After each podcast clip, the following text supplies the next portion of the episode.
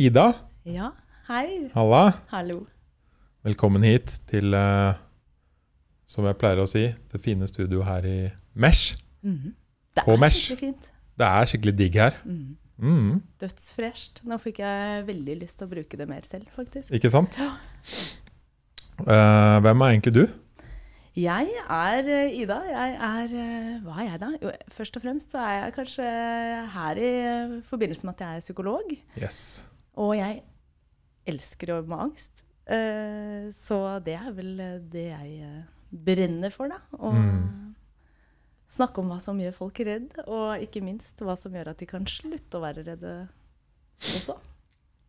Så du jobber til daglig med folk som sliter med angst? Det gjør jeg. Ja. Jeg, har, jeg og en kollega vi starta en psykologklinikk her i Oslo, på Majorstua, som heter Angstklinikken. Mm, For det vi så Vi har jobba lenge mm, som psykologer begge to, og møtt mange pasienter som har gått lenge med angst. Og møtt fantastisk flotte fagfolk som eh, vil veldig gjerne hjelpe dem. Men så er det noe med angst, og det er at hvis du ikke får noen gode redskaper til å møte det på en ny og nyttig måte, så blir du gående med det veldig lenge. mm, Og det følte vi at dette brenner vi for å få ut til folket. At det fins veldig, veldig god hjelp når du har angst. Og eh, det å vite noe om hvordan du skal gjøre det, det er eh, alt det dreier seg om for å bli fri da, fra ja. angst. Vi må liksom gå litt til i startgropa her da, og prøve å forstå. For jeg har jo hørt mange folk si i veldig forskjellige situasjoner at de har hatt eller har angst nå, eller kommer til å få angst. Ja, den er også vanlig. Ikke Åh, sant? Jeg får angst. Nå, Ja. nå kommer det. Ja. Men eh, hvordan vil du forklare hva angst egentlig er? Um, angst innebærer at man blir eh, redd. Så angst er egentlig Jeg pleier å ikke skille så mye mellom frykt og angst. Men hvis vi skal si noe om det, eh, så er jo Angst er at du føler frykt i situasjoner hvor du ikke trenger å føle frykt. Mm. Helt enkelt. Mm. Så angst innebærer egentlig at du har en følelse som er helt naturlig.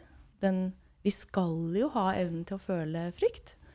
På linje med at vi føler glede, tristhet, sinne, overraskelse osv. Så, videre, så blir vi redde fra tid til annen. Men når vi har angst, så kommer den følelsen, som jeg sa, i situasjoner vi ikke trenger den. Ja. Og så kommer den igjen, og så kommer den igjen, og så kommer den igjen. Og da har det blitt en angst. Ok. Mm. Så er forskjellen fra frykt at når du føler frykt, så burde du være redd? Ja, Da er det liksom en løve som løper etter deg? Ja. Ja. Eller det kan være når du kjører bil, og så er det, ser det ut som bilen som kommer imot, kjører, kommer til å kjøre Mm. inn i deg. At du eh, skvetter til. Det er mange som kjenner den følelsen. At det, det, det kommer sånn iling nedover fingrene, og det setter sånn skikkelig sånn støkk i deg. Det er jo eh, veldig nødvendig for oss, for det gjør at vi svinger bilen litt unna. Eller vi blir skjerpa i oppmerksomheten vår. Så frykt skal vi være kjempeglad for at vi har Ja. evnen til å kunne føle. For det gjør at vi passer oss for faktisk farlige ting, da.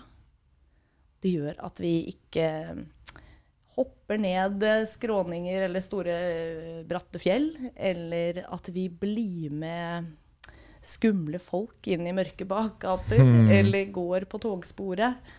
Så det er jo en, det er masse spennende forskning på mennesker som har fått skader i fryktsenteret, eller har måttet operere bort fryktsenteret. Den kalles amygdala, den ligger dypt, dypt, dypt inni hjernen der. Og de menneskene som ikke har en velfungerende amygdala, de lever ikke særlig lenge. Nei, fordi de ser ikke de fryktsituasjonene komme. Nei. De går rett inn i dødelige situasjoner Oi. Og lærer ikke. ehm, og eh, har ikke noen sperrer lenger. De som driver med sånn base jumping og sånn, har de mindre Har du noen teorier om det?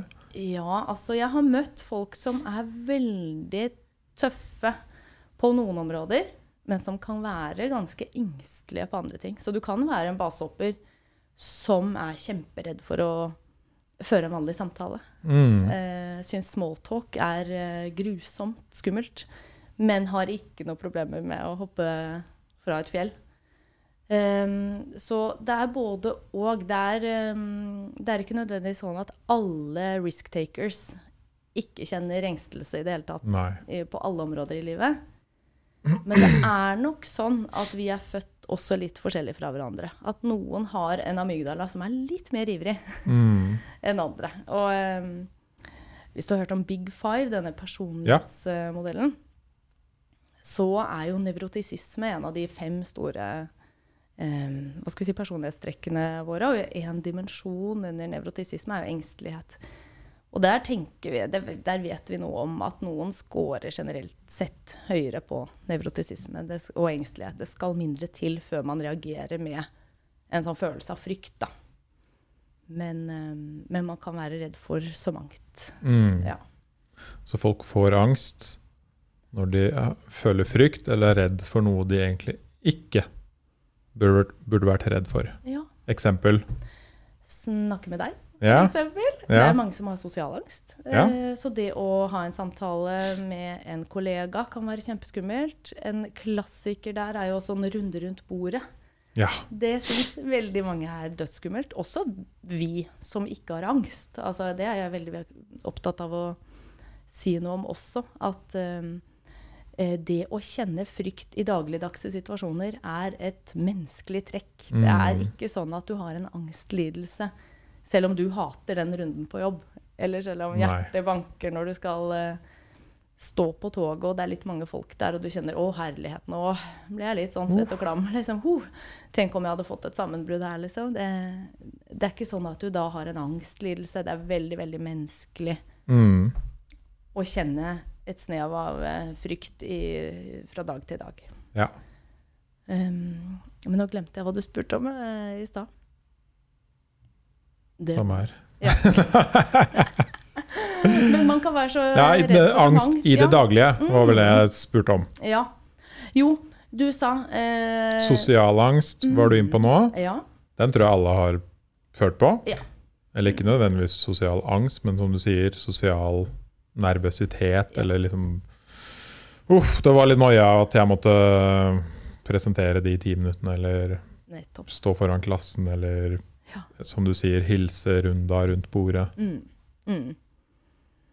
Um, men det du også spurte nå om, eh, tror jeg, var uh, om, det bare, om det er i disse unødvendige situasjonene, eller det kommer i situasjoner hvor vi ikke trenger det. Mm. Uh, og, og, ja, altså det som ofte gjør at vi Vi kan jo også være redd for slanger, som jo er en logisk frykt. ikke sant? Det er jo noen slanger som faktisk er giftige, så det er jo fint at vi er redd for slanger. Ja. Eh, men så er det jo noen som får så mye fobi ikke sant, for slanger at de bare de ser et tau på bakken, så får de eh, kjempeangst og løper ut av rommet. Mm. Så jeg er ikke så opptatt av å skille mellom noe er en irrasjonell frykt og en rasjonell frykt. Fordi at måten vi møter det på, er eh, litt likt. Ja. Eh, for, å, ja, eh, for å komme ut av et mønster hvor vi eh, stadig blir veldig, veldig redde. Så møter vi det på samme måte uansett om det er høyder eller slanger eller eh, runden rundt bordet på jobb. da. Har de tingene her noe forskjellige, forskjellige sånn navn? Altså sosial angst, ja. angst for dyr, jeg veit ikke. Ja, ja, veldig sånne konkrete angster. Det kaller vi fobier. Ja. Eh, så det kan være um, angst for eh, typisk sånn slanger, høyder, um, heis, mm. eh, åpne plasser osv. Uh, hvis det er en sånn konkret situasjon som utløser en følelse av sterk frykt, som igjen da er overdrevet eller unødvendig, så kaller vi det en fobi. Og så har vi sosial angst, som vi var innom. Um, så har vi panikkangst. Den er jo en som vi ofte kjenner på, mange av oss. Eh, det er at det kommer en plutselig følelse av sterk frykt.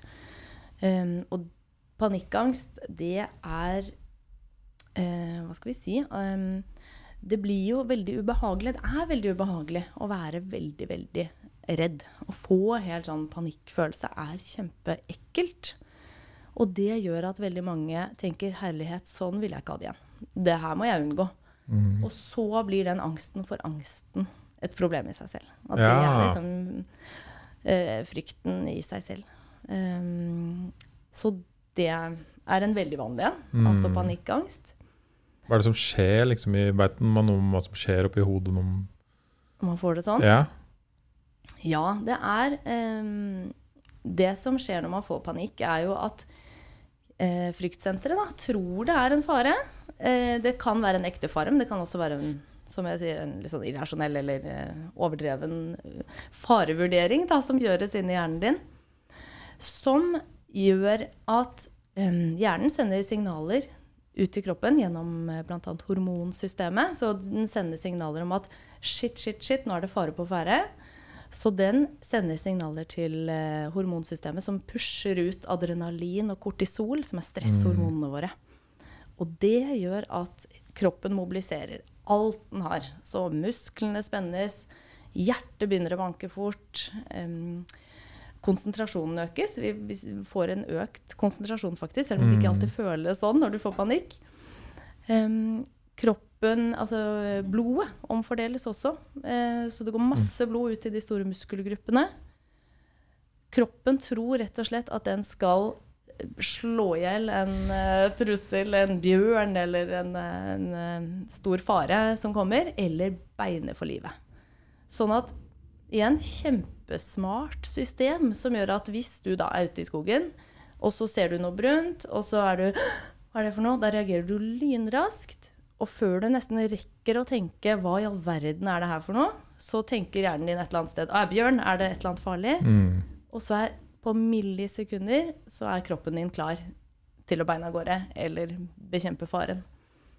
Og det er jo det som er liksom nedarvet gjennom evolusjonen, som gjør at vi har en større sjanse til å overleve. Da.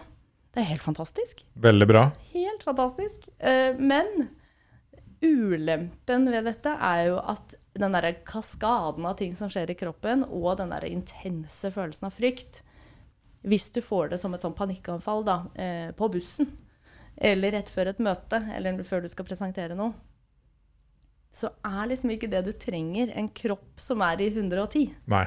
Det er, liksom, det er jo det du helst vil unngå. Du vil jo fremstå som eh, veldig sånn rolig og ha alt under kontroll. Så det er jo det som gjør at folk syns det er så skummelt ofte. At det, det blir så upassende til situasjonen. da. At du har en kropp som bare dundrer løs, og så er du, burde du liksom sitte og være helt rolig. Og det kan igjen forsterke den fryktfølelsen at å, herregud, jeg kan ikke sitte her og svette og skjelve og bli nummen og få prikker foran, foran øynene. Og. Men det er sånn kroppen tror den gjør deg en tjeneste, da. Den bare tenker den gjør akkurat det den skal og for å være føre var. Kanskje det var noe som var på vei til å drepe deg, ikke sant? Og da økte du sannsynligheten litt for at du skulle overleve. Og jeg ser jo for meg at det ikke er sunt for kroppen og hodet hvis, du ofte, hvis dette skjer ofte. Nei. Eh, men det viktigste jeg egentlig snakker mye om, eh, er jo egentlig å ikke bli redd for at det skal skje heller. Fordi kroppen vår er heldigvis bygd for å tåle en sånn mobilisering eh, Yes. mye. Det er jo det samme som skjer i oss. Ja, Så det er ikke så farlig, vi- egentlig? Nei, det er egentlig ikke det. Altså. Både òg. Dette har eh, Jeg skal prøve ikke å si det for komplekst, da, men Mm. det samme som skjer i kroppen din når du blir intenst redd, det skjer også når du gleder deg veldig til noe. Stresshormoner ut i blodet, musklene strammer seg, hjertepumpa går. Eh, det tenker vi ikke over som en sånn 'Å nei, guri la, meg ikke være så glad'. Nå må du, nå må du passe på. Oi, oi, ta vare på kroppen din, må ikke være så glad. Så det er jo egentlig veldig fint å tenke på at når du um, når du sitter der og er redd, så er det like hva skal vi si, farlig som når du gleder deg veldig til noe. Eller eh, hva tenker du rundt det å trene, f.eks.? Er det usunt å trene? Nei. Nei. Og det er mye av det samme som skjer Mm. når vi får en sånn stressrespons som vi gjør når vi blir redd, som når vi trener. Eller når vi har sex. Det er jo ganske fint å tenke på. Um, men det er jo noe med det. De jeg snakker med til daglig, de forteller at de er helt utslitt. Så Ja. det er jo ikke sånn at det er sånn bare tenk at det er som å ha sex, så går det bra. Altså, det er veldig slitsomt å gå rundt med angst.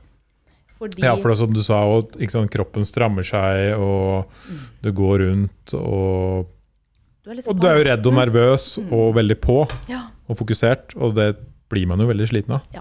Det koster enormt med krefter. Mm. Så ofte så snakker vi om at um, hvis det er en person da, som har en 100% stilling på jobb, og så har vedkommende angst i tillegg, så sier vi ofte at ja, du har jo 200% stilling. Ja. Er, og den ene jobben er sykt dårlig betalt. Det er veldig dårlig deal å gå med angst. Det er kjempeslitsomt. Men det å være redd i seg selv er ikke farlig. Men de har også vist, det er en ganske spennende studie som har vist at eh, holdningen din til det å være redd har masse å si for hvor mye det koster kroppen din da, eh, over ja. tid. Så hvis du er veldig stressa eller veldig engstelig over lang tid, så er det klart at det er ikke drømmesituasjonen for blodårene dine osv. Blodtrykk og sånn. Men det er gjort eh, et kjempespennende studie i USA eh, hvor de undersøkte veldig mange mennesker, spurte hvor stressa er du. Og nå snakker jeg litt om sånn stress og angst litt i samme vending. Ja, for det høres jo litt ut som det samme. Jeg, min liksom, personlige off the record-definisjon av stress er jo på en måte den en, At stress er en følelse av frykt og overveldelse.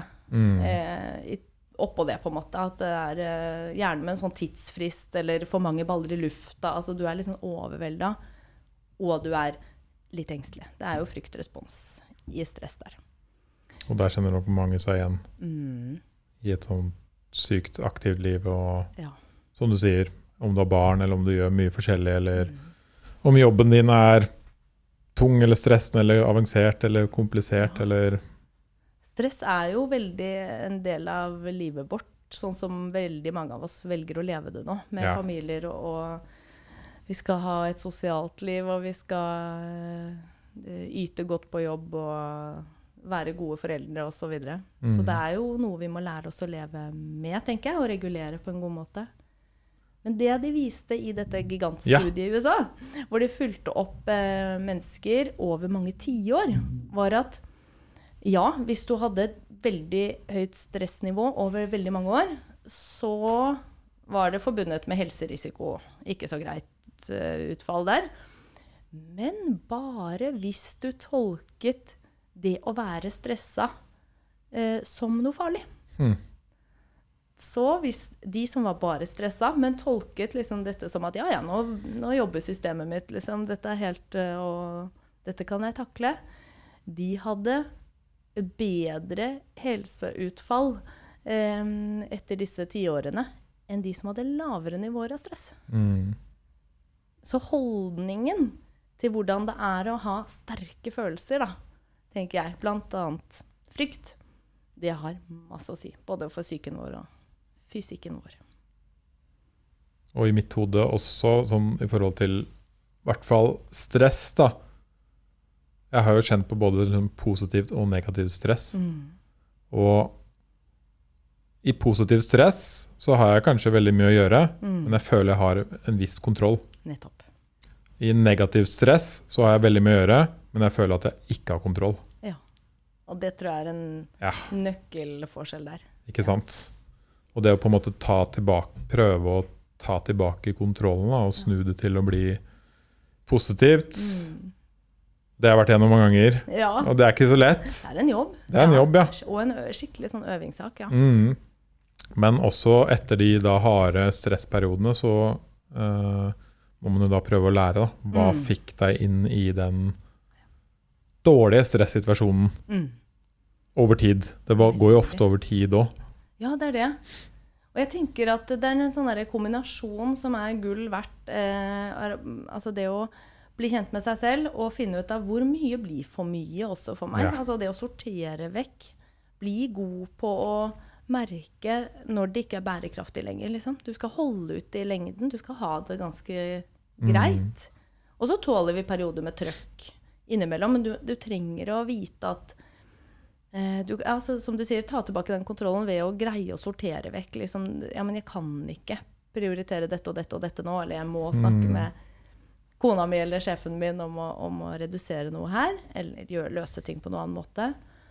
Og så er den andre delen tenker jeg også er den der, det å lære seg um, at um, det er ikke farlig å gå og uh, være stressa.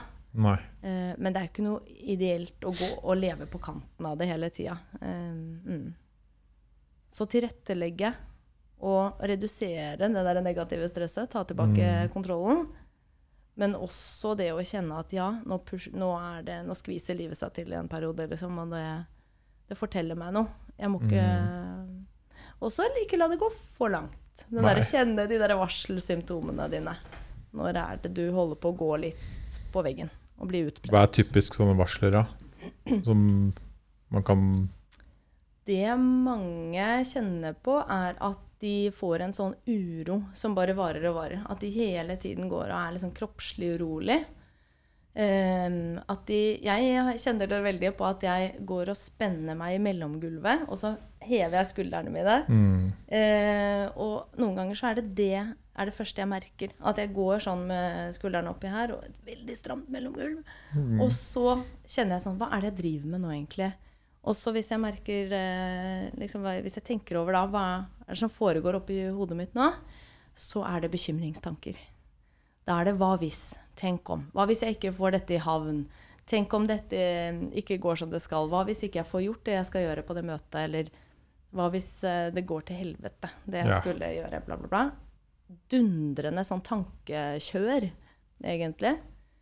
Um, og en manglende Altså at vi syns det er vanskelig å roe ned igjen når vi trenger den roen, da. Så når du kommer hjem fra jobb, f.eks., så kjenner du at kroppen er ikke i hvilemodus. Den er fortsatt sånn litt sånn overaktivert. Mm. Og så merker mange at de begynner å streve med søvn. Yes.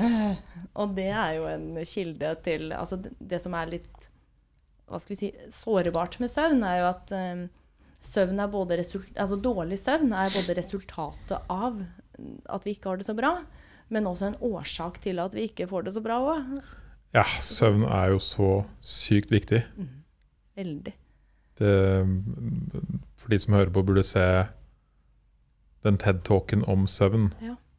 Mm. Jeg husker ikke hva han heter, men han skrev masse bøker om søvn. og Ja, er det sånn. den 'Hvorfor vi sover'-forfatteren? Yes. ja. Ja. Helt eh, rå. Mm. Han sier noe til alle dere karer der ute om testikler som traff meg. i ja. Ja. Det er så viktig. Det, er helt, Det er det er jo da hele kroppen ligger og reparerer seg. Mm. Og fikser seg. Ja. Og hjernen får hvile, og ja, Det er så viktig. Ja, veldig. Samtidig som at det at vi skal Hvis det kommer eh, folk til meg da, og er veldig bekymra for søvnen sin, og jeg sier ja, guri land, vet du hva, søvn er skikkelig viktig, nå må du gå hjem og sove bedre og sånn, så kan søvn også bli en veldig sånn stressfaktor. At folk blir veldig Yes. sånn, får prestasjonsangst for søvnen sin. da. Du får da angst igjen for å ikke sove. Nettopp. Og hva er mindre søvndyssende eller eh, enn angst? Ja. Nei, det er nesten ingenting. Altså, det er Jeg ser for meg en sånn ond sirkel hvor du går rundt med stress og angst i løpet av hverdagen. Mm. Og så kommer du hjem, og så trenger du egentlig søvn, og så får du mer angst av at du tenker på at du ikke får sove. Yes, veldig. Mm. Så både blir det vanskeligere å få sove, og så er det veldig mange som opplever at de våkner lettere, altså de sover lettere om natta. Så de våkner Ja. flere ganger om natta. Og da syns man kanskje det er vanskelig å få sove igjen. Og en del våkner også veldig tidlig. Eh, tidligere enn vanlig. Så du får en kortere natt. Yes. Og en dårligere søvnkvalitet da, gjennom natta. Jeg hadde jo eh, Når jeg arrangerte festival nå i august Når man arrangerer festival, så har man altså 10 000 ting å tenke på. Ja, Guriland. Det er helt sykt. Og på den ene kvelden, på fredagen, tror jeg, første kveld, da hadde vi allerede vært der og jobba en uke, men da kom gjestene og liksom Og da, etter vi hadde stengt festivalen for kvelden, så hadde vi en sånn liten samling oppe i en sånn gammel gårdsrom hos han bonden som eier det stedet vi var i. Vi satt fem stykker. Og så spurte jeg alle hva gjør egentlig dere når dere skal prøve å sove, eller skal sove, Mm. Uh, men dere har bare 10 000 ting som foregår i hodet. Hva er det dere gjør da? Hva tenker dere, hva, hva er liksom deres verktøy? Og så sa han bonden, da, eller han som Mm. eier stedet, uh, veldig fin ung kar, Skittil, hvis du hører på, han sa jeg prøver å ikke tenke på at jeg må sove, det er det første. Og så prøver jeg å tenke på at jeg bare skal slappe av. Og så tenker jeg hvis jeg bare ligger her og slapper av i hele natt, selv om jeg ikke får sove, så går det helt bra. Gull verdt. Og jeg bare Ja, det er så Det er det beste svaret. Ingen, ingen andre trenger å svare nå. Nei. Og Det er helt riktig. Ja. Hvis man faktisk ligger der og bare tenker Jeg skal bare slappe av, Mm. og det kommer til å gå helt fint i morgen hvis jeg bare slapper av. Ja. Og da slutta man å fokusere på dette med søvn og liksom jeg Må jeg sove? Nå må jeg slappe Nå må jeg liksom Ja. Så blir man gal i hodet, og så Blir helt tussete av det. Ja. Ja. Ikke se på klokka. Nei. Bare la det være. Og noen ganger Det er helt uh, supertips. Jeg husker jeg også fikk det. Jeg har to små barn. eh, Og da jeg fikk han første, så var alt uh, nytt, og jeg var helt i uh, kaos. Og da husker jeg hun ene jordmoren også sa til meg det at uh, når du kommer hjem nå, eh, legg deg og slapp av når babyen sover. Det fikk jeg aldri til, da, fordi jeg måtte gå med den babyen i bærecelle for å få den til å sove hele tida. Så det ble ikke noe av det. Men noen få ganger så fikk jeg muligheten til å slappe av mens eh, han sov. Og da husker jeg at eh, hun sa bare slapp av. Hvis du får sove, er det en bonus. Helt fint, liksom. Yes. Men bare ta det kulig. Og det var det beste rådet jeg fikk. Ja. Sånn som du. For da jeg tok, det tok hele brodden av det. Akkurat. Jeg tror jeg jeg hadde sittet sånn med klokka og telt minutter nesten. Altså det, Ja. Ja. Og som jeg sier, og som alle veit Hvis man føler man må sove og prøver å sove, så det er liksom det verste. ja. ja. Vi får jo noen også hos oss som, eh, som får nesten litt sånn angst for ikke å få sove. Ja. Og da øver vi på Det er jo hele egget i angstbehandling. Nå hopper jeg liksom rett i det, men uh, Ja, vi kan godt gå litt inn i hvordan man Noen verktøy og som hvordan man faktisk kan komme ut av det. Ja.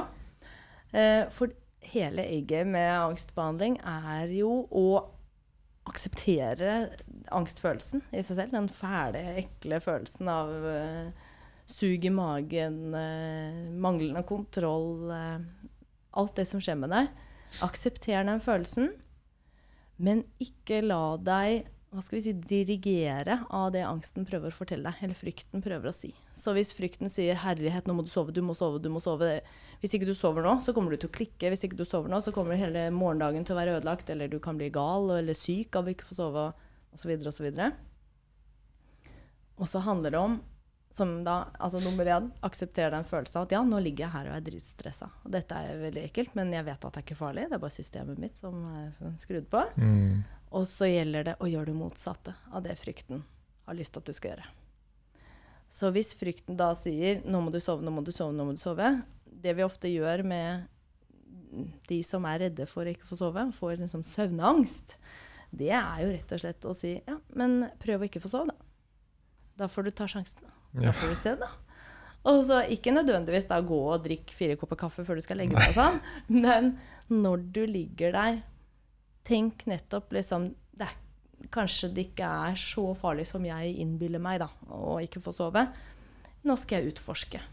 Hva skjer hvis jeg ikke lystrer denne angsten og prøver intenst på å prøve å få sove, men det gjelder bare gi faen, da. Egentlig. mm, Så det er egentlig mm, nettopp det. Prøve å avdramatisere det frykten sier, og prøve å utforske hva skjer hvis jeg gjør det motsatte. ja. Hvordan kan man bruke det mer sånn dagligdagsliv utenom søvn med noen andre Jo, eh, det for eksempel da hvis det kommer jo, Vi vil jo alltid være litt opptatt av hva er kjernen i frykten din. Altså hva er det du er For eksempel da, en som har sosial angst. Um, Er det det vanligste, eller? Mm, Veit du Nå noe om det? spør du godt. Ja. Um, det skal jeg ikke si for sikkert. Det er en av de aller vanligste. Ja. Og så er panikkangst veldig veldig vanlig. Den er kanskje kjernen i mange Mange som har sosial angst, har egentlig en panikkangst innerst inne. Altså Mm. i bunnen. Så er de redd for å få disse ekle angstsymptomene. Og så er det bare det at det kommer nettopp i sosiale situasjoner. Ja. Så ofte så må vi jobbe med panikkangsten, altså angsten for angsten. Eh, når, og så bare er det kan vi bruke de sosiale situasjonene for å trigge den sånn at vi får øvd, da. Mm. Og tåle det. Men eh, en annen som angstlidelse som også er veldig vanlig, er jo bekymringsangst. Det heter egentlig generalisert angst, men eh, det er ofte sånn å ikke greie å legge fra seg bekymringer da, om økonomien, om fremtiden, om helsa di, om eh, relasjonene dine. Så du går med disse hva hvis-tankene hele tiden, og en kropp som er liksom påskrudd i angstmodus. da. Så den er også veldig Det tror jeg mange kjenner seg igjen i. Ja. Egentlig alle de typene her ja. tror jeg treffer deg på litt forskjellige De som hører på litt forskjellige måter. Ja. Og så har vi tvangslidelse, eller OCD, som også mange har hørt om, sikkert. Som eh, innebærer at man får en tvangstanke som gjør deg veldig, veldig redd. Og det kan være alt eh, fra Tenk om det er blod på det bordet der, og jeg tok på det bordet, og nå er jeg egentlig kanskje litt grann blod på fingeren, og så shit, shit, shit, tenk om jeg blir syk av det, nå må jeg gå og vaske hendene mine. Og da får du den tvangshandlingen, da, som, hvor du faktisk går og vasker hendene, og så blir du roligere. Eh, Men OCD kan være så mangt. Det er jo veldig sånn Ofte i filmer så er det fremstilt som nettopp vasketvang, eller noen som skrur av og på lysbryteren 100 Mm. ganger og sånn. Men det som ikke Jo, jeg kan nesten si er vanligst, en veldig, veldig vanlig form for OCD, er rett og slett ubehagelige, eh, tabubelagte tanker. At man har en, en ubehagelig tanke som man syns er vanskelig å bli kvitt, eller man blir veldig, veldig redd for. For eksempel tenk om jeg egentlig er pedofil. Eller Ok. Tenk om jeg eh, tar det glasset her nå, og så bare kyler jeg det i trynet ditt. Eller eh, tenk om jeg sier noe blasfemisk høyt ut nå, eller Ja, At man får sånne Jeg skjønner veldig godt hva du mener. mm, At man får en sånn sjuk tanke i hodet og Ja. bare Wow! Ja. Hvor kom det fra? fra? herregud, liksom. Hvorfor Ja. tenker jeg det? ja. Og forskjellen på Uh, meg og en som har uh, sånn tanketvang, da, er jo ikke at vi har rare, absurde, seksuelle, grove, ekle, rare tanker. Det er det at de blir redd for det. Ja. De tenker 'Å, herregud, dette betyr noe om meg'. Hva slags person er jeg som har sånne grusomme tanker? Eller eh, vil jeg det egentlig? Er det sånn at jeg egentlig har lyst til å dytte noen foran eh, trikken når jeg står der? Um, men eh, også er jo jobben nettopp igjen da å prøve å gjøre det motsatte av det frykten sier, da. For da sier frykten nå må du gå og vaske deg, eller nå må du tenke en annen tanke. Nå må du ikke tenke på pedofili, eller nå må du eh, ikke eh, Hva skal vi si ikke, Nå må du skru på den der lysbryteren åtte ganger. Og så handler det om å tørre å prøve å gjøre det motsatte, da. ja. Jeg skal bare la den tanken være der, da. Eller nå skal jeg ikke trykke på den lysbryteren. Og tåle at det kjennes veldig, veldig ekkelt. Og erfare at det går over. Som en sånn vakker bue opp og bue ned. ja. Trene seg litt på den ubehageligheten som kommer. Lene deg inn i det, sier vi ofte. Så trikset for å komme ut av angst er å tørre å liksom bade litt i ubehaget. Og erfare at det går bra, og det går over. Det er interessant. Det er jo mye av det man har lært de siste tiårene også om type traumer og sånne type problemer òg. At du må faktisk face det. Ja. Det er ofte det beste. Ikke dytte det til siden. Nei, Ikke late som det ikke, ikke eksisterer.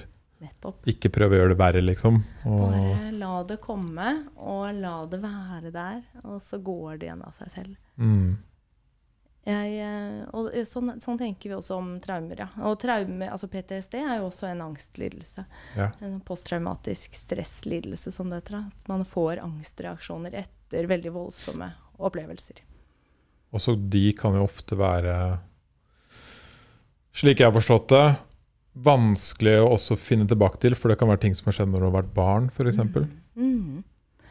Så da er det å øve seg på altså Poenget da er å øve seg på minnet, f.eks. Altså det å tørre eh, Hvis man har PTSD, så kommer jo ofte disse minnene veldig sånn som flashbacks. At de kommer liksom intrusive på deg altså uten at du ønsker det. De kommer bare plutselig. Og så har man da en sånn uh, umiddelbar reaksjon på at man vil unngå å tenke det tank den tanken helt ut, eller man vil um, unngå det minnet, da, for det er så ubehagelig og så skremmende. Men, uh, men uh, øvelsen da er nettopp det å tørre å se på det minnet og spille den filmen helt ut på en måte inni hodet. Eh, mange nok ganger. For det er jo det viktigste også, er i all angstbehandling, som jeg sa, aksepter den ekle følelsen i kroppen. Ikke gjør som frykten sier, men gjør det motsatte. Og gjør det flere ganger. Ja, for du må øve. Mm. Fordi den der amygdalaen, det fryktsenteret oppi der, den tror jo at det er faktisk farlig. Den har ikke noe intelligens, det fryktsenteret vårt inni hjernen. Nada intelligens inni seg. Og den, um, den lar seg heller ikke skru av av fornuft. Så hvis du sier til meg jeg, jeg har vært redd for å fly før. Det hjalp meg ingenting når noen sa til meg Det er ikke farlig å fly, vet du. Det er mye farligere å kjøre bil. Jeg var ikke mindre redd av den grunn. ikke sant? Jeg satt oppe og skalv, og det var turbulens og sånn. Det hjalp ingenting. Så det er jo liksom det første pårørende, eksempel, eller gode venner og sånn, en partner sier, er jo veldig sånn disse fornuftargumentene. på Jeg kjenner meg igjen, fordi jeg og samboeren var i Bali for to år siden. Mm. Så lå vi i senga, og så kom en sånn knøttliten gekko krypende på veggen. Mm. Og hun skreik jo og holdt på å gå fra vettet, og jeg holdt jo på å le meg i hjel. ja. Fordi det altså Og så er liksom det der er det mest uskyldige skapningen du kan tenke deg. Mm. Og de er jo bare søte og små. Det syns ikke hun. Nei. Og jeg lo mer. Og hun skrek mer, så det, det var en uh, jeg, jeg ler litt av det enda i dag, ja. men uh, Ler hun av det? hun ler faktisk litt mer av det nå. nå Ja. ja. Men det funka dårlig. Ja, det er nettopp det. Det gjør det. Og ofte så blir det en sånn um, Men, et, men det jeg skulle mellom- si, for, ikke for å avbryte, men uh, man så jo gekkoer mye mer i Bali etter hvert. Vi var der liksom i tre-fire uker. Så siste uka, når de kom krabben oppover veggen på rommet, så lå vi bare og så på de. Det er noe med det. Begynte man å like de litt. Yes. Og det er det. Man må orke å gjøre det liksom flere ganger. Man må tørre å titte på den gekkoen. Man må prøve å Altså, det verste hun kunne gjort, var jo å løpt av gårde og så sagt at eh, vi må bytte rom, vi kan ikke bo her. Ja, ikke det var nesten der. Ja, ja. og da ville fryktsenteret hennes lært at å, guri land, det var bra du unngikk det grusomme greiene der. Og så ville fryktsenteret aldri lært at de gekkoene var ufarlige. Mm. Eh, men man må tørre liksom, å leve gjennom det ubehaget, da. Og, og, og erfare at det tar kanskje noe tid, men det, det blir mindre skummelt etter hvert. Så det er eh, Ja. Man må gjenta det. Mm. Mm.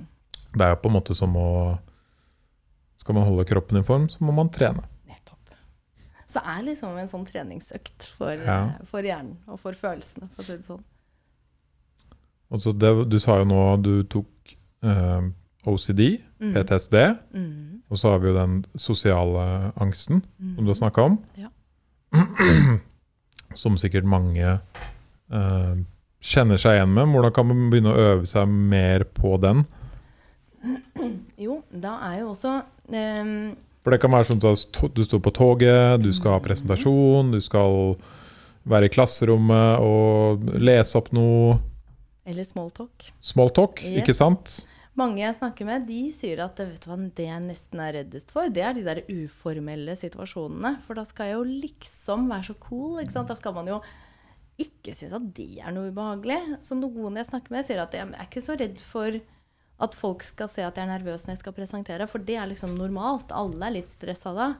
Men det er de der avslappede situasjonene, til og med med gode venner, som friker meg helt ut. For da blir jeg så redd for at de skal se at jeg er nervøs eller ukomfortabel eller rødme eller Mm. svette.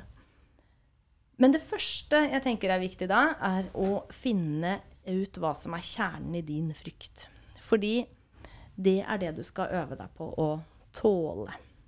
Så noen kan jo si at, eller kjenne at det jeg er redd for, det er å stå foran en folkemengde og snakke. Uh, og jeg er veldig redd for at jeg skal fremstå uintelligent. At jeg skal si noe dum, dumt, eller at de skal tenke et eller annet teit om meg. Mens en annen er redd for å stå foran en folkemengde fordi de er redd for å besvime.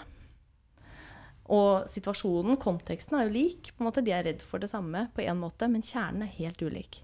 Så da er det ikke noe vits at den som er redd for å fremstå dum, den trenger ikke å øve på å tåle å kanskje besvime, liksom. Så det, finn den Makes derre kjernen. Ja. Eh, eller om det er å rødme, eller om det er smalltalk, eller om det er å stå på toget og få et illebefinnende. Noen ser for seg at de kan få så panikk at de skal liksom dette om på toget, og at det blir veldig flaut, rett og slett. Kan du få det? Nei. Nei? Digg, digg å vite Ja, for det er også veldig viktig å si. Kan du, du kan ikke besvime, liksom. Nei, og Nei. det er en ganske festlig årsak til det. Um, fordi at når vi får angst, så øker blodtrykket. Så hjertet pumper masse blod ut i kroppen. Høyt blodtrykk. Når du besvimer, det er fordi du får lavt blodtrykk. Yes. Mm -hmm. um, og Så det er liksom fysisk umulig å besvime av Ja. angst. Eh, det er en liten unntak der, og det er hvis man har blodfobi. Hvis du er redd, veldig redd for sprøyter eller veldig redd for blod, da kan du besvime. For da gjør kroppen noe veldig smart. Da senker den blodtrykket, blodtrykket ditt. Fordi at hvis det er sånn at du ser ditt eget blod Hvis det skulle være sånn at du får et svært sår, og så ser du ditt eget blod, så er det veldig lurt at du får lavt blodtrykk, for da blør du ikke i hjel så Mm. fort. Da Mm. holder du mer av blodet inni kroppen din. Men jeg er sånn som blir sånn gelé i beina av å se blod. Så stakkars mine to gutter, sønner, altså, de, hvis de tryner, og så blør de nedover hele fjeset og sånn, så blir jeg sånn Ja, mamma, kan jeg hjelpe deg? Jeg må bare ligge litt her. Og så må du Kom her, skal jeg ta på plaster mens jeg ligger sånn. Uh, men men det, da er jeg jo Du må redd. ligge i sånn stabilt sideleie. Ja. Men da er jeg jo ikke redd. Nei. For jeg tror at hvis jeg hadde vært veldig veldig redd da, så hadde jeg nok fått opp blodtrykket igjen, og så hadde jeg faktisk ikke fått denne besvimetendensen da. Så jeg tror nok ikke dette er et sånn kjempestort problem, Nei. egentlig. Så eh, nei, du kan ikke besvime av angst. Mhm. Bra. Ja, Bra fakta ja å det er veldig viktig. Ja.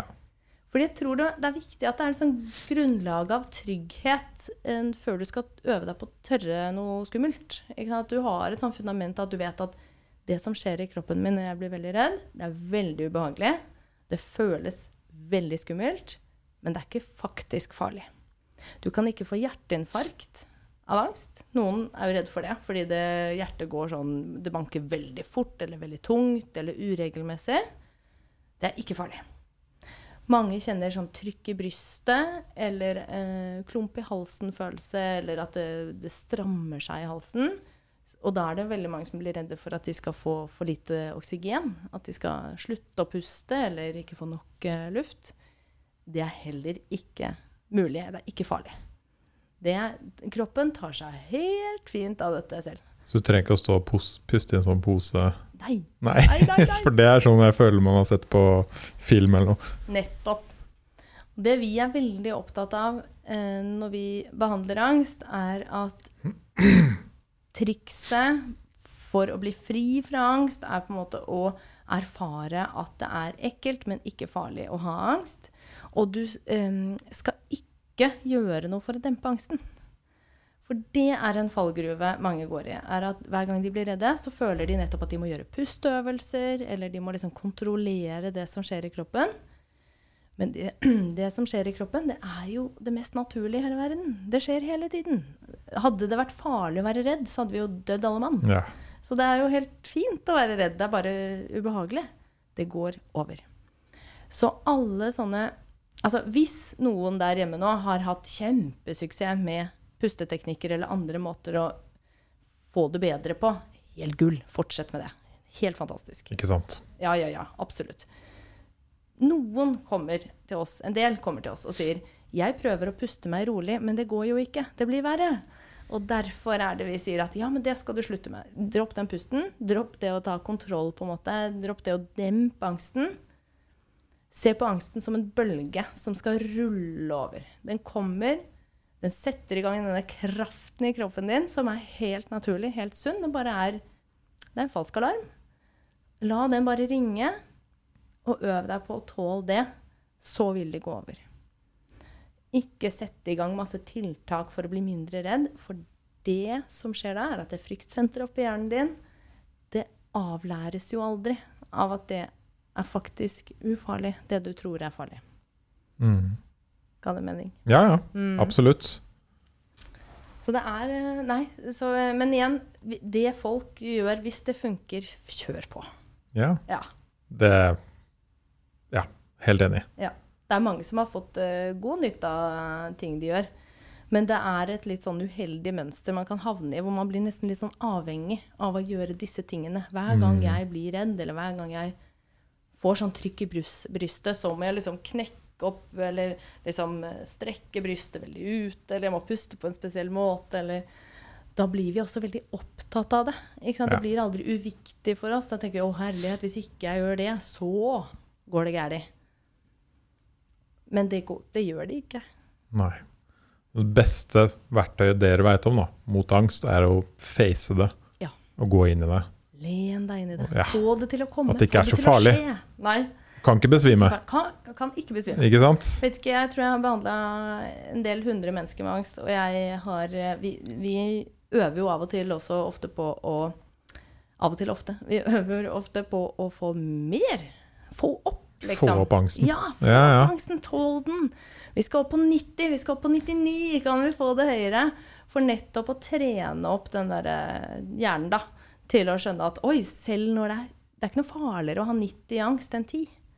Det føles veldig annerledes å være så pissredd at du eh, holder på å liksom tro at du går ut av ditt gode skinn. Det er ikke noe som helst farligere å være 90 i angst enn 10.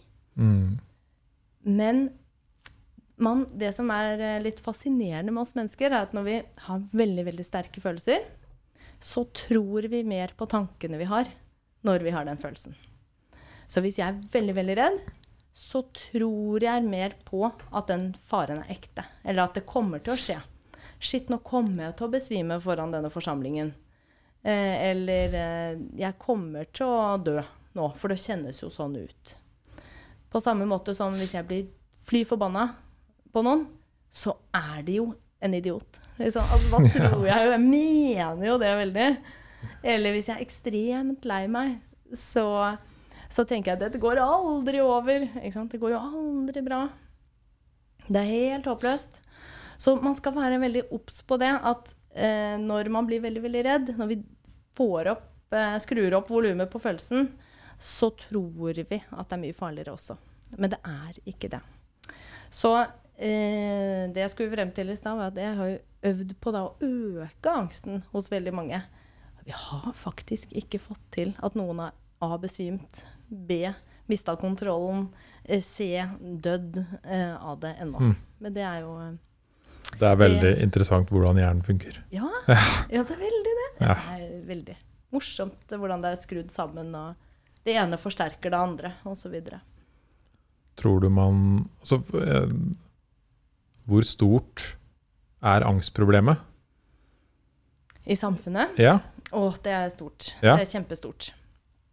Vi eh, i eh, Angstklinikken har jo som visjon, der hvor jeg jobber, der har vi en visjon, og det er jo at vi skal eh, gjøre Norge litt mindre redd. Det er liksom vår drøm. Og det, det vi vet mye om, er at angst og depresjon det er jo store folkesykdommer som står for liksom, kanskje hovedmengden av sykefraværet og, i Norge. Og eh, det skaper jo veldig stor lidelse for den det gjelder, og familien rundt.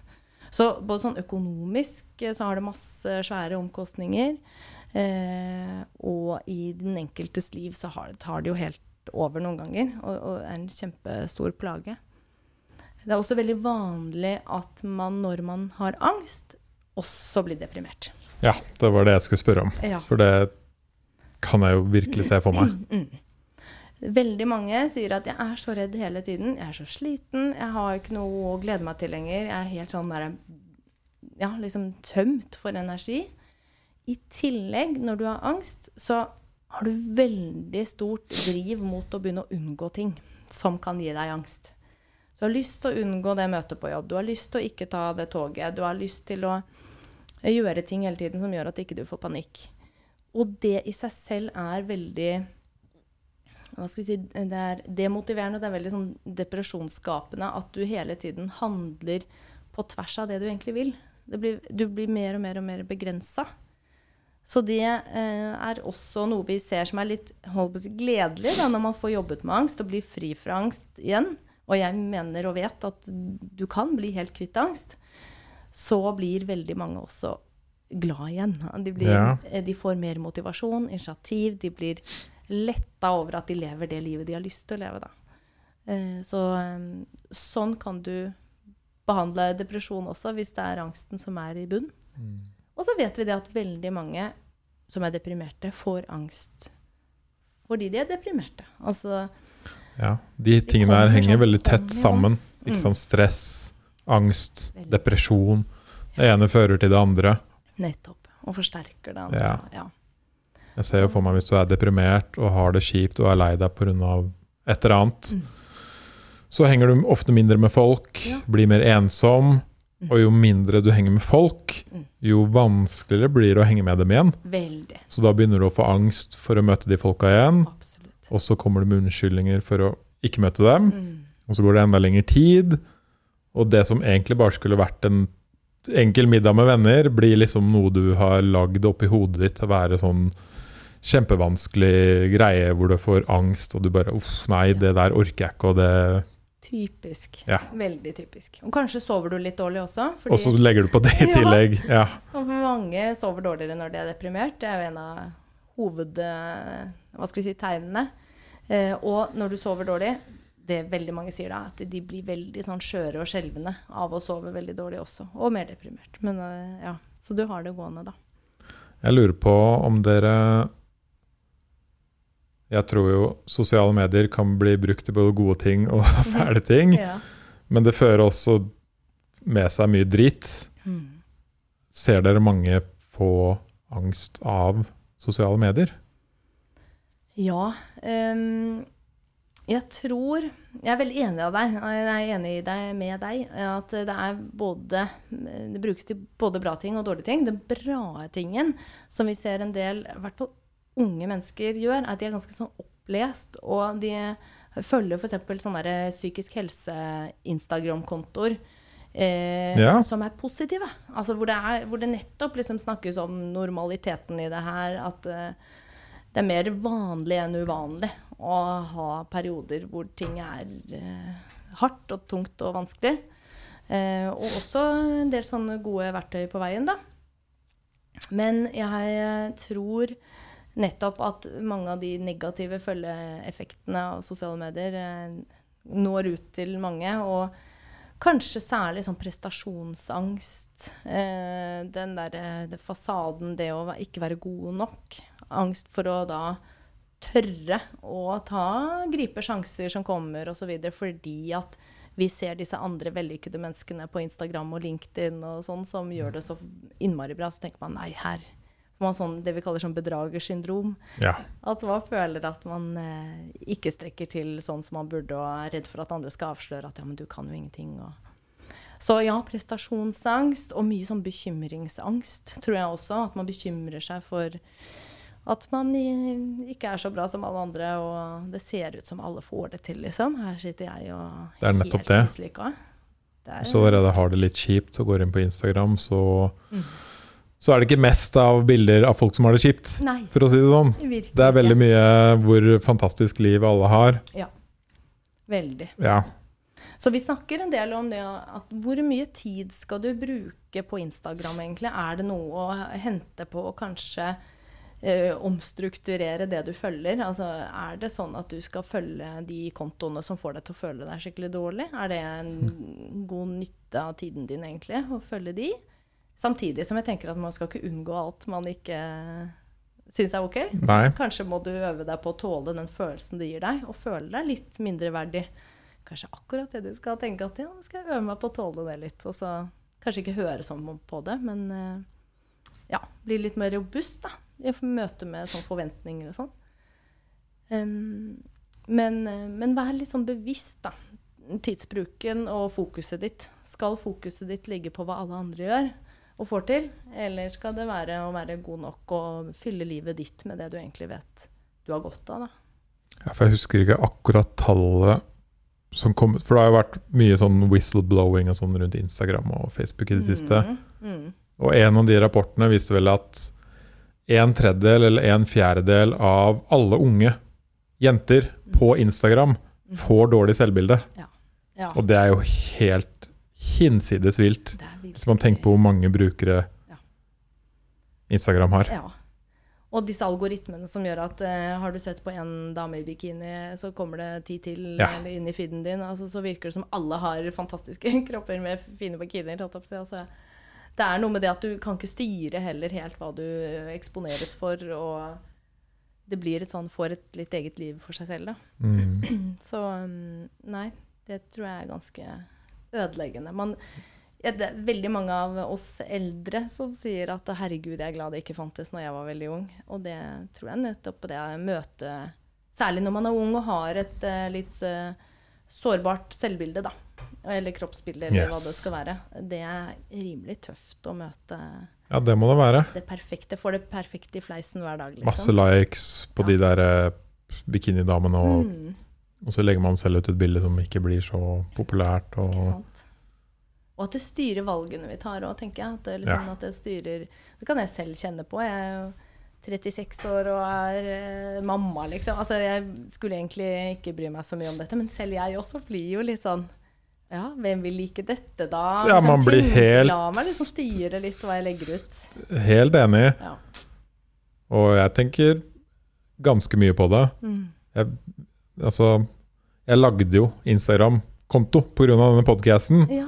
for det ja. må man. Ja. Man må jo publisere Man Man må må selge- liksom re, selge den kanalen ja, man har. komme seg ut et eller annet sted. Ja. Og jeg var jo så happy før jeg uh, fikk det. Mm. Jeg er fortsatt veldig happy. ja. Men, Men, eh, men uh, jeg kom inn seint, Mm. som egentlig var veldig digg. Mm. Og da bare åpna en verden seg. Jeg bare wow, ok, wow. Det er dette dere har holdt på med i mange år nå. Yes. Shit.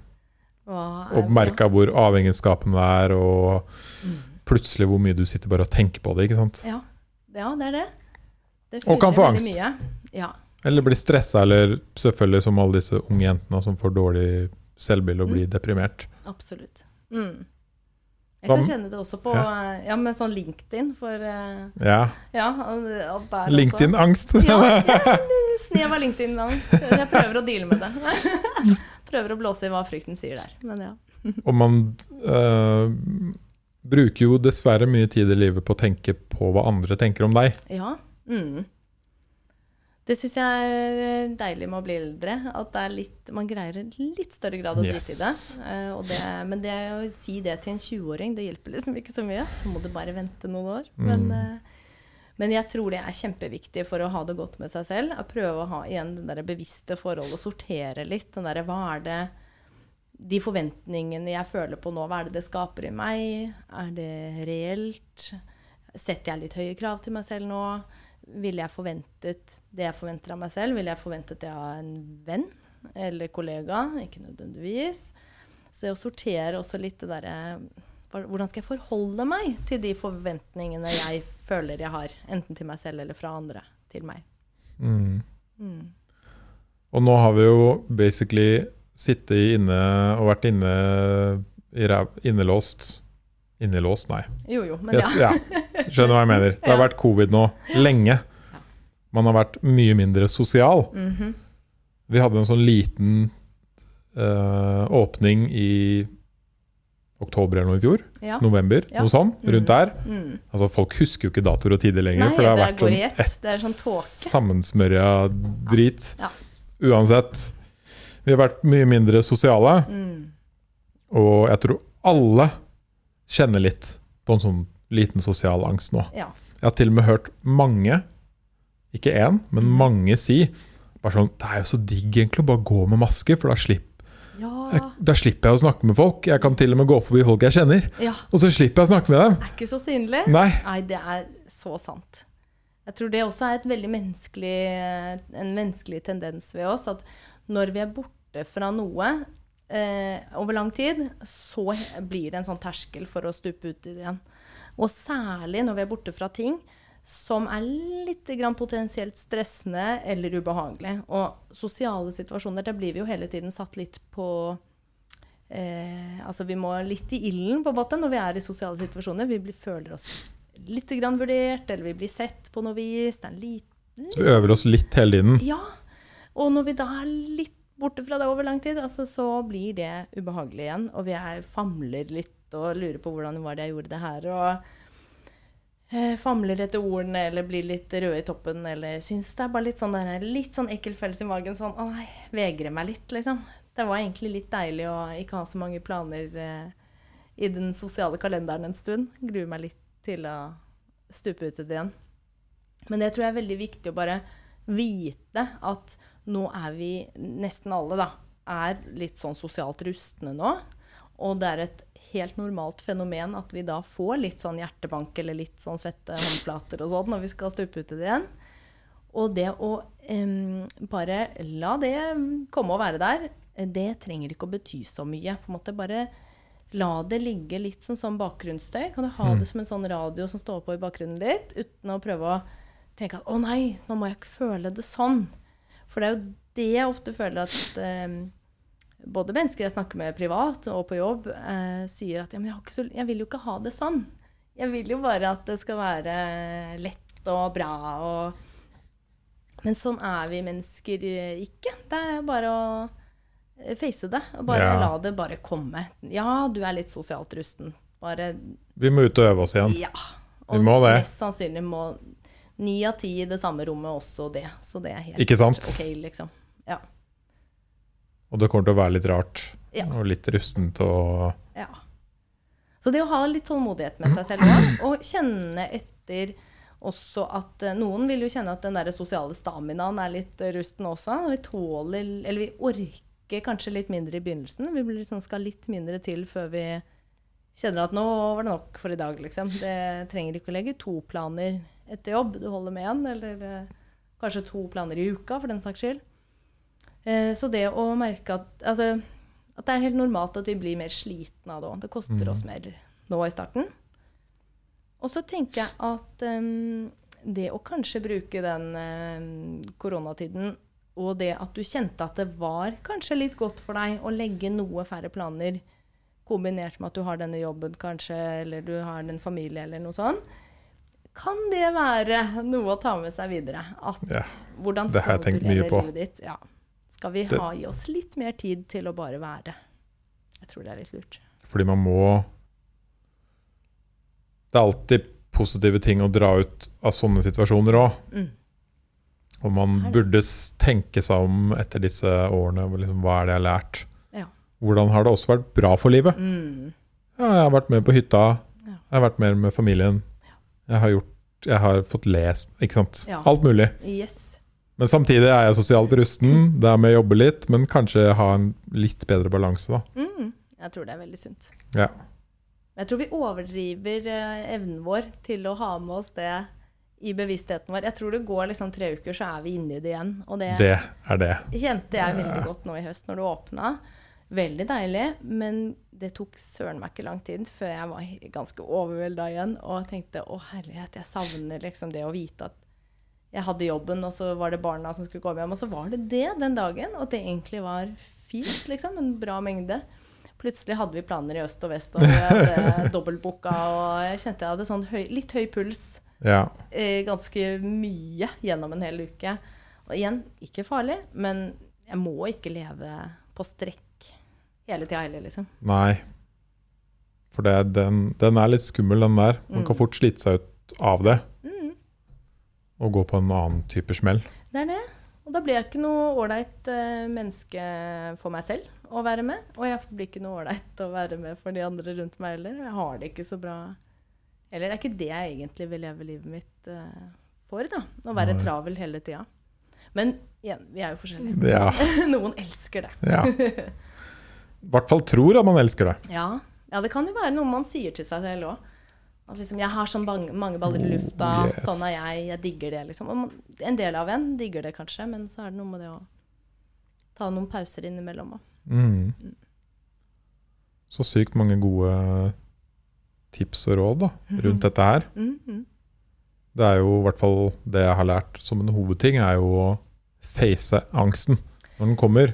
Ja. Eller når du vet at de, i de situasjonene, Mm. på det toget, i den heisen, eller for den gekkoen, eller uh, Yes. i den sosiale sammenhengen, eller av det holdt jeg på å si, blodet eller noe, Mm. så er det mye bedre å begynne å jobbe med seg selv og face det. Og Ja. trene, trene hjernen på det. Ja. Ha fokus på at dette her, dette syns jeg er dødsskummelt. Jeg liker det ikke. Men jeg skal prøve å øve meg på å tenke at det at noe er skummelt, betyr ikke at det er farlig. Og fokuset mitt kan ligge på dette skal jeg øve meg på å tåle. Mer enn at jeg skal dempe det eller ikke synes at noe er vanskelig. eller noe sånt. Men tenk, ja, men det er nå kan, nå kan systemet mitt bare skru seg på. Det er helt OK. Nå dunker hjertet. Det kjennes ubehagelig. Det skal jeg søren meg øve meg på å tåle. Veldig bra. Mm. Og folk kan sikkert uh, lese mer om deg og din klinikk på På angstklinikken.no. Yes. Det er nettsiden vår. Den, eh, der er, finner du masse info oss, både om angst og om eh, oss som jobber der. Ja. Alle psykologene som jobber der, er spesialisert på angstbehandling. Så vi eh, har masse erfaring med å møte folk som er redd, fra, redd for alt fra tankene sine til konkrete ting til Mm. minner de har, eller Hvor lang tid tar det i gjennomsnitt å løse angst? Oi, ja, det er et veldig godt spørsmål. Eh, jeg har noen innom på samtaler som sier åh, det var den timen jeg trengte, for nå vet jeg det. Jeg har egentlig liksom eh, visst det i bakgrunnen, at jeg må bare tenke nå skal jeg bare ut og øve meg. Eh, nå vet jeg hvordan jeg skal øve. Så noen trenger en time eller to, og så er de på sporet, og så vil de gjerne øve selv. Andre trenger mer tid. Ja. Eh, og noen, em, noen går noen måneder. Og, og særlig også hvis det er andre ting. ikke sant? Hvis det er en vanskelig livssituasjon, eller det har vært en krise, eller man også strever litt med søvn, eller eh, eh, står i en krevende situasjon ellers. Men ofte så sier vi at mye skal være gjort på sju-åtte ukers tid. Ja. Ja. Og min erfaring er at det å heller ha litt sånn høy intensitet på treningen først, at kanskje ha et time hver uke eller to ganger i uka, over kortere tid. Altså, du trenger ikke da å gå og gå og gå i evigheter. Så hvis det er noen som har gått i angstbehandling, eller gått i behandling i lang tid, men ikke er kvitt den frykten ennå, så tenker jeg at da kanskje det fins en annen metode som kan funke bedre. Ja. For det skal ikke ta uendelig med tid Nei. å bli kvitt angst, og bli fri fra det, angsten. Mm. Veldig interessant. Mm. Veldig kult at dere jobber med å få litt mindre frykt i Norge, var det du sa? Redsel? Ja, ja, gjøre Norge litt mindre redd. Ja. ja. Det Det er viktig det i den tiden vi lever i. Det er jo det. Det er nok andre ting som, eh, som vi kan være redde for, på en måte. Men eh, det er ekstremt inspirerende å se mennesker komme inn og være så styrt av ting de er redd for, at de har lagt livet helt på is. Folk som ikke har jobbet på flere år, eller ikke turt å begynne med studier. Ikke tør å finne seg en kjæreste eller få barn fordi de har så Mm. mye angst. Og så går de søren meg hen etter at vi snakker litt, og de skjønner at ja, men det er jo akkurat sånn det funker. Det er fordi jeg unngår at det blir verre, eller at jeg driver og um, dytter ned angsten så den spruter tilbake, liksom. Eh, for det er jo de der, det å stoppe den bølgen, det er rimelig fånyttes, da. Så det å heller surfe med, og så når de tar det grepet og tør å gjøre det de er mest redd for i hele verden, og vi må jo ut og øve med dem. Så vi okay, går dit hvor angsten er. Ja, ja. Det, hvis angsten er på bussen, da er vi på bussen sammen. Hvis angsten er på T-banen, da er vi der. Eller vi har eh, mye sosial trening da, på kontoret, så resepsjonisten der hvor vi jobber, hun er med på masse sånn eh, Hun har hørt foredrag om det ene og det andre, hvor det er folk som da må øve seg på å holde foredrag, f.eks. Eller de må ikke, men de vil. Men eh, det å se de menneskene da gjøre det de syns er mest skummelt i hele verden, og tørre det, og kjenne mestring, for det er jo det som er gevinsten, Mm. det er at når du lener deg inn i det og kjenner at nå, nå, be, nå inviterer jeg frykten min til å komme på besøk, mens jeg gjør det jeg syns virker skummelt, Og så ser du at de merker at sånn Det var jo ikke så ille. Jeg var redd, men det var jo ikke liksom sånn at jeg mista kontrollen eller grepet eller Og så stå der og se den mestringen, og se dem også da gangen etter, så sier de 'Vet du hva jeg har gjort siden sist?' 'Jeg har vært på det toget', eller 'Jeg har snakka foran eh, kollegaene mine', eller 'Og det gikk bra'. Og jeg, jeg bare mestra det. Og den derre given og den motivasjonen de da får, det er, da får jeg sånn salig øyeblikk hvor jeg tenker nå er jeg verdens beste jobb. Yes. Det er veldig kult. Det er de modigste menneskene jeg vet om. Ja. Det er det søren meg. Modig, det handler om å tørre å gjøre noe du er redd for fordi du er redd, selv om du er redd. Mm. Ikke å ikke føle at noe er skummelt. Det er ikke så modig, på en måte. Så nei, dette er modige folk. Og det mange opplever, er at det er jo ikke så skummelt som de tror. Så Det kan jeg se for meg. Det er også veldig viktig Liksom å gjennom si. de at det- første gangene. Ja. Og det er ikke sånn at jeg kaster dem ut liksom, i løvens hule uten at de ønsker det selv. De får heldigvis bestemme oppgavene da, mm. helt selv. Men det er eh, veldig motiverende og veldig inspirerende. Ja. Kult. Mm. Så bra. Da håper jeg mange som har Jeg vet, og jeg tipper sånn Alle har litt angst Absolutt. i livet. Oh yes. Så dette er jo bare bra verktøy for de som både har litt, medium og mye. Mm. Men det er klart, hvis det er sånn mye at det er, eh, skaper store lidelser i livet, Da så er det veldig bra å få hjelp, ikke sant? Mm. Men jeg bruker det selv, eh, altså, mm, i hvert fall eh, ukentlig, om ikke daglig. Den der, det, den der gutsen og givet til å kjenne at når jeg syns at noe er ubehagelig, hvis jeg står i en skikkelig ubehagelig situasjon, så tenker jeg hva kan jeg lære nå? Hvordan kan jeg bli mer robust? Hvordan kan jeg tåle dette? Jo, det er ved å lene meg inn i det. Yes. Og det å ha den, der, den holdningen, den tenker jeg eh, Nå blir jeg litt sånn misjonerende her, men jeg tenker at det er noe alle har veldig sånn nytte av. da. Og tenke at eh, det at du kjenner ubehag i en situasjon, det betyr ikke noe nødvendigvis om deg som person, eller at du skal holde deg unna det, eller Men du kan nettopp se på det som en mulighet til å tenke Fader, eller kanskje jeg kan trene på å bare tåle det her, liksom. Skal jeg bare sitte litt med den følelsen her. Og så skal jeg tenke, erfare at det går over, og det går bra. Så det tenker jeg Det er menneskelig nyttig læring. Jeg har lært det Jeg hadde en mentor når jeg var sånn 22 til 25 eller noe. Mm. Og han lærte meg at hvis noen spør deg om noe, og du kjenner det kjennes skikkelig ubehagelig ut, Mm. og du bare det skriker nei inni deg, så si ja med en gang. Ja. Yes. Og det har jeg gjort mange ganger i livet Ja. etterpå. Altså mange ganger. Ja. Liksom, ja, er det noen her som kunne tenke seg å Ja, jeg kan gjøre det! Ja, det så Og så bare kult. ah, Hva var det jeg sa ja til nå? Ok, nå er det inne i øvelsesmodus. Gull. Ja. Vil noen være gruppeleder? For, ja, ja. Er det noen som kunne tenke seg å holde en presentasjon om dette? Ok, ja, greit. Nydelig. Ja, det er de der modige valgene der. Mm. Det pleier vi ofte å si, snakke litt om. Liksom, hvis du står overfor en sånn valgsituasjon, som nettopp er det du beskriver? Du har valget der og da. Skal jeg ta det enkle, den enkle veien, eller skal jeg ta den modige veien? Og så er det sånn at man må ikke være modig 100 av tida. alltid. Selvfølgelig ikke. Men det å velge seg ut kanskje noen områder da, hvor du har lyst til å øke motet ditt eh, litt, og velge det ubehaget. Og tenke hva lærer jeg nå? Hvilken vekst er det å hente for meg her, da? Mm. Det er veldig en Det skal veldig være litt ubehagelig, skal svette litt, Yes. og så får du det til. Og så bare yes! Fuck yes! yes. Vi har sånn, eh, eller jeg har et eh, motto, og det er litt ubehag hver dag. Ja, Jeg skulle hatt det på sånn kopp, tror jeg. det burde du. Litt ubehag hver dag. Det burde du hatt som ting som man kunne satt her. Ja, faktisk. ja, da blir man eh, robust og tåler mye til slutt. Ja, det Og det tror jeg også man lærer mer og mer jo eldre man blir i livet. Mm. At det liksom, fordi man kommer igjennom ubehagelige ting i livet uansett. Etter hvert har du et kartotek liksom, med Ja. erfaringer som du kan høste fra og Mm. backe deg opp med. Så til slutt så blir det litt lettere. I hvert fall det meste. Det er nettopp, jo, men det gjør det. Og det er jo gulroten. Den gulroten, den mestringen som jeg snakket om. Men også på sikt. At du kjenner at nå er det faktisk ikke så mye som rokker ved meg lenger på, i disse situasjoner. Jeg, jeg blir ikke så stressa for sånne ting mer. Og det er jo den megastore gulroten. Det er derfor det er Mm. verdt det. Det er fordi det funker. Yes. Kult, Ida. Yes. Lyttere, Hvis dere har noen spørsmål, så skriv gjerne det på YouTube f.eks. Hvis dere ser det hvis dere ser på denne episoden her. Ja.